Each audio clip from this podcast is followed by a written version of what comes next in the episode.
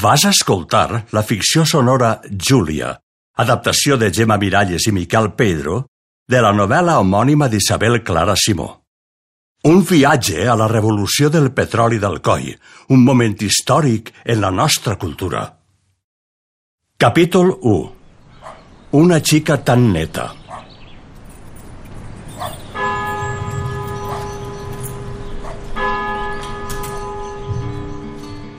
Júlia es va cenyir les vetes del brial a la cintura ben serrades, fins que li va mancar la respiració. Va deixar caure la falda i la va arromangar una miqueta des de la cintura perquè cortejara i eixiren les puntes del brial per sota. Va agafar l'espillet i l'espelma i els va posar a sobre de l'alt del capçal del llit de fusta treballada. La llum era escassa a les 7 del matí, encara que fora primavera, però tan matinet la fresqueta entrava per sota la porta i pels badalls de la finestra al primer pis del número 13 del carrer Sant Francesc. Va alçar els rínxols de tos cap amunt i els va anar fixant amb els ganxos del monyo. El collet blanc de Cretona tenia les vores gastades de tanta planxa i tant de lleixiu. Però així de lluny...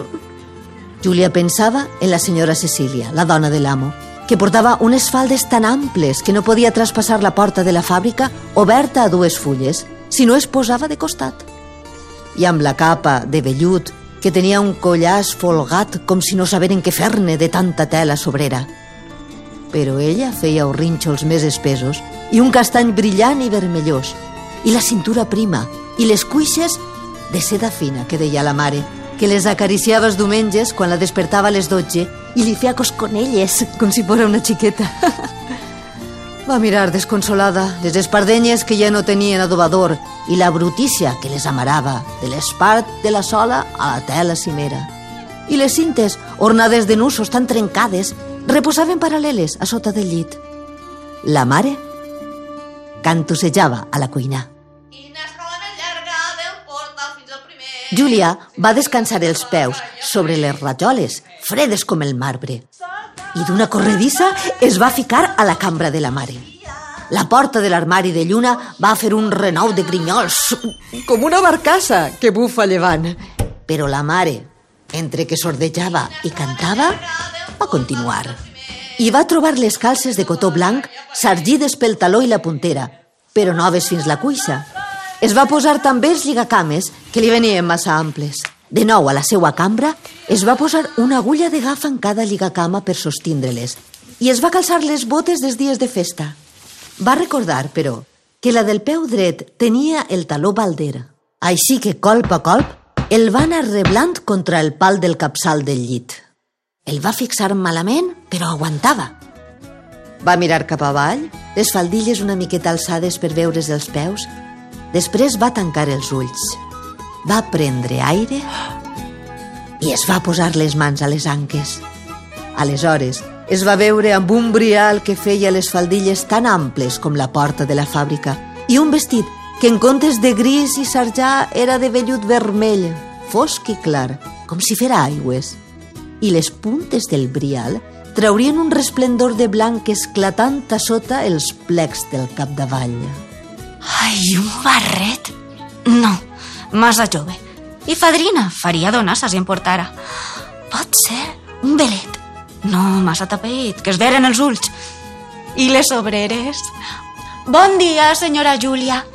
Ai, ai, ai, no s'acoste que es pot embrutar. Servidora, avisar al senyoret.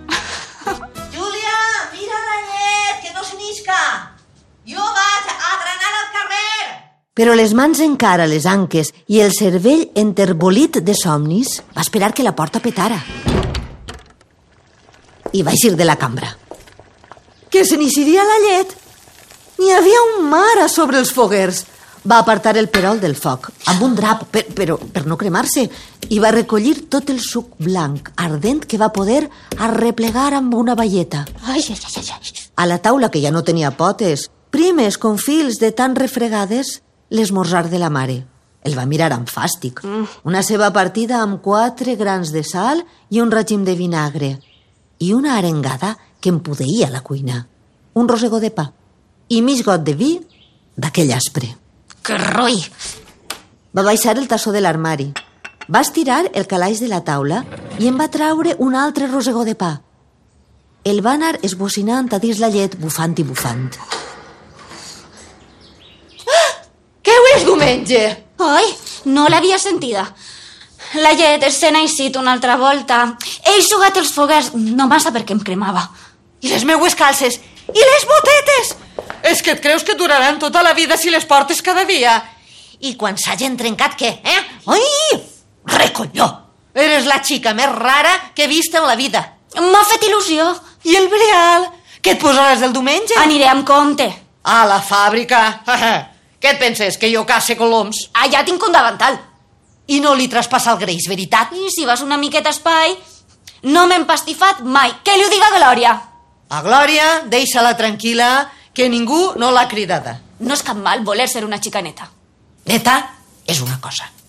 I mudada com si fora festa és una altra cosa. Jo sordege, Júlia, però tinc uns ulls que no se m'escapa res. Esmorzem, mare. Quan jo ho diga. O és que ja no mane jo en esta casa?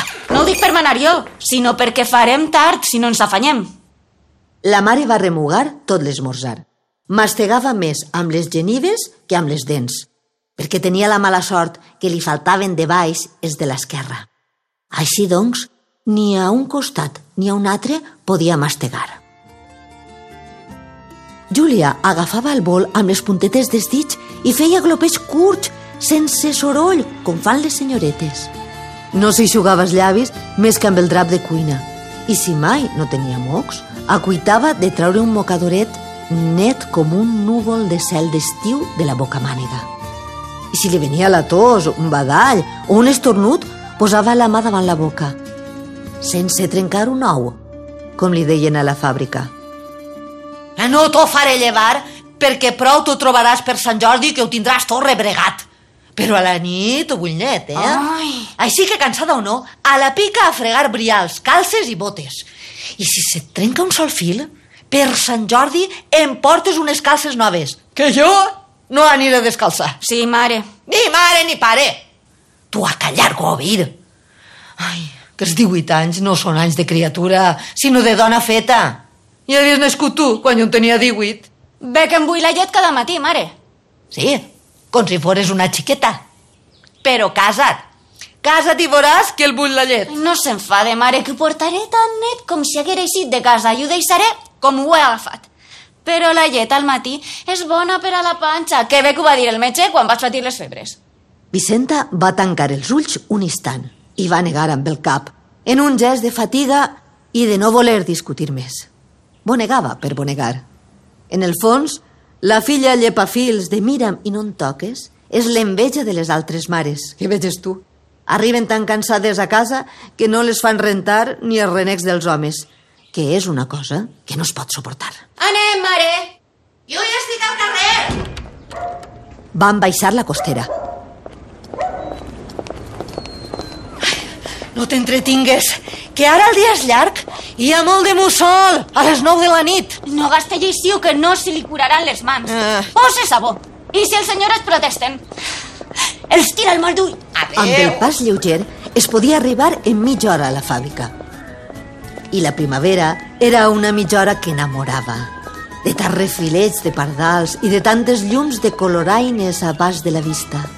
Júlia portava amb precaució les faldes i el brial un poc arromangat, per no arrossegar el terra, que al matí la terra és humida i deixa unes taques de deixar-se els dits fregant. Sóc una dama que va d'excursió. No, que s'ha perdut en una excursió. Va travessar el pont de Barxell. Ara arriba el casalici. Les fadrines m'han preparat catifes de flors per a rebre'm. Quan es va lligar el davantal, ja sorollaven les màquines. L'estamera nova, que portava Glòria, grinyolava mancada d'oli. Quan l'encarregat va fer la primera ronda, Júlia feia anar el teler a tota màquina. Júlia alentia ara i adés l'estamera vella i s'eixugava amb draps les manetes. El suc, però, es ficava dins les ungles. Ni draps ni sosa no les borraven. I ella tractava d'impedir-ho. Alentia, però no parava perquè Rafael l'hauria bonegada.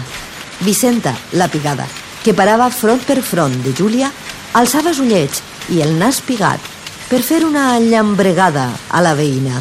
Avui tampoc estacarà, encara que la tinga oliosa. Olor a la fortor del greix, Júlia.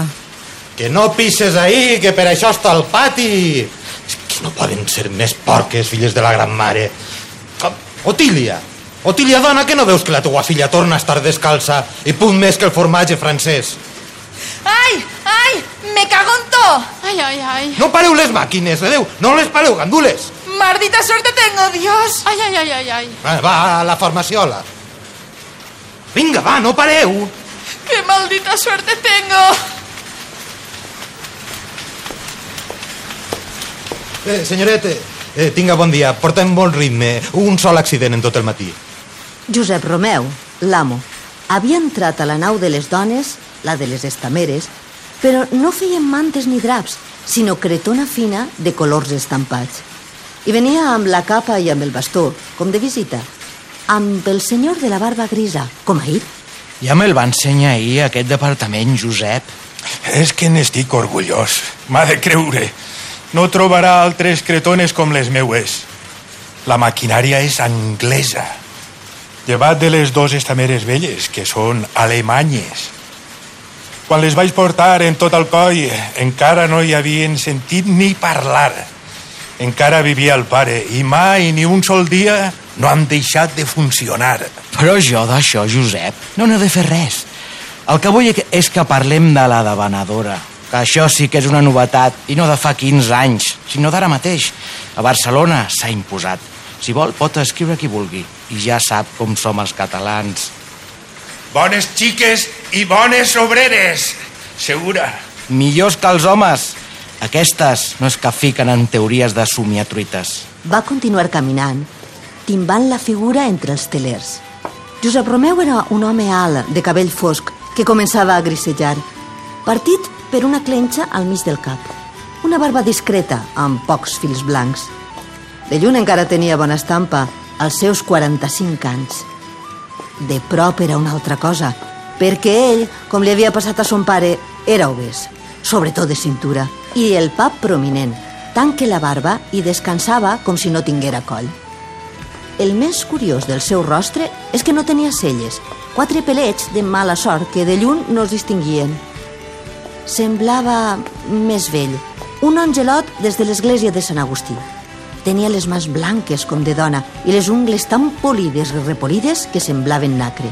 I el segell d'or relluïa recollint els reflexos de les finestres polsoses. Vostè és Júlia.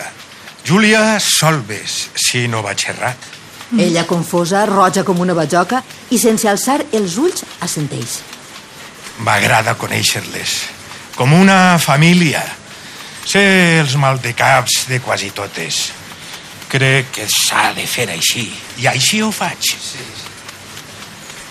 I la mare serveix el senyor Leandre, el de la foneria, no? Júlia va assentir de nou i va alçar la mirada un instant. No li agradaria més portar l'estamera nova? No, senyor. Estic acostumada a la 15. Vostè, Júlia, està contenta? M'agradaria que ho sentira este senyor. Júlia va pensar en l'ama i en les faldes que no s'encabien per la porta de la fàbrica si no es posava de costat. I les arrues i el queixal d'or. I va tibar el coset i va mirar valenta la cara de l'amo. Estic contenta, senyoret. A l'hivern fa fred, així dins, però ara sí està bé. Vol dir que a l'hivern no treballa a gust en ma casa? Sí, senyoret. Ai, jo no volia dir això. Ens acompanya, però sí, però per favor, ens acompanya. Sap quin seria el major avantatge? Que som els primers, no només en la fabricació, també en les peces de recanvi. L'estamera ja la tindria reparada. Quan van marxar, les dones es van precipitar fora dels estrets corredors que hi havia entre les màquines i van anar a les carmanyoles. Una hora per a dinar, més que enlloc. Ui, només tres quarts. Júlia seia al pedrís amb la Llumillo i Glòria. I encara no havien encetat les paraules s'hi va acostar el senyor Rafael. Que t'has begut l'enteniment? Mocosa? O és que creus que l'amo ve així per escoltar les teues gràcies? No, senyor. No, ni senyor ni collons. Què és això que a l'hivern la senyora té fred a la fàbrica? O és que creus que venim així a escalfar-nos? No, no, no, no ho he dit amb aquesta intenció, però l'amo... Vols que el posi una ratlla a la llibreta? Eh? Això vols? No, no, no. O és que ja no recordes que treballes per caritat? Jo treballe com totes. Sí, però totes, senyorassa, no han d'amagar certes coses. Jo no m'amague de res, senyor No? Rafael. Ja en parlarem d'això, ja. O és que creus que t'hauria acollit com una filla? Com una filla, sí senyor, l'amo, amb un pare criminal. Mon pare no era cap criminal. I deixa'm estar, que jo no he dit res que poguera ofendre ningú. Tu ets una descarada i una desagraïda, que és la pitjor cosa que pot ser una persona. Digues a la gitana de ta mare que talla la llengua o ho faré jo. Ma mare no és cap gitana. A callar! I a veure si aprens que quan ve l'amo se'l respecta. Entesos? Déu, la senyoreta dels collons. No plores, dona. Això és el que hi vol. És que no ho comprens? Li fa més goig que tu plores que un col de ventre de la remellot. És que no me'n passa cap. Em té mania. Em veig, això és el que té. No pot aguantar que l'amo s'adreci a una de nosaltres. Només s'adreça a ella. També la punxaràs tu? Ah. A la fi, va menjar el silenci. El sol picava de valent. Caminaven algunes abraçades de la cintura fins a la font. No sols hi van veure. Les més joves ruixaven les lentes que arribaven les últimes amb les espardenyes esbatanades. Reien com a boges. I Júlia es va apartar per no embrutar-se, però ja tenia els ulls reposats i serens. El xiulet les va cridar. La tensió del matí amb la visita de l'amo i l'escalforeta del sol les havia animades. I xerraven, enmig dels improperis del senyor Rafael. Ei, ei, ei, ei! Deixeu-vos de barcelles i a la faena. Calla, calçasses! Llepaculs! Què ha dit això? I les rialles i les paraulotes gruixudes. El soroll infernal. Les mosques que enguany matinejaven les malparides. A les set, però, ja no se sentia ni una ànima. Els peus els tenien un flaig tantes hores dretes. Les velles renegaven. Es queixaven a crits. Júlia tenia els turmells de pedra i els canells de goma. No sentia dolor, només fatiga. El gran sospir de les nou va ser aquell dia llarguíssim. Ja és l'hora. Ja hem acabat avui. Ja està. Júlia es van passar els cordons de les botes, que havia afluixat a mitja vesprada. Mil agulles a l'esquena. Les cares eren ara ben lleges. Les de les velles, horribles. Dotze hores al teler i a casa més per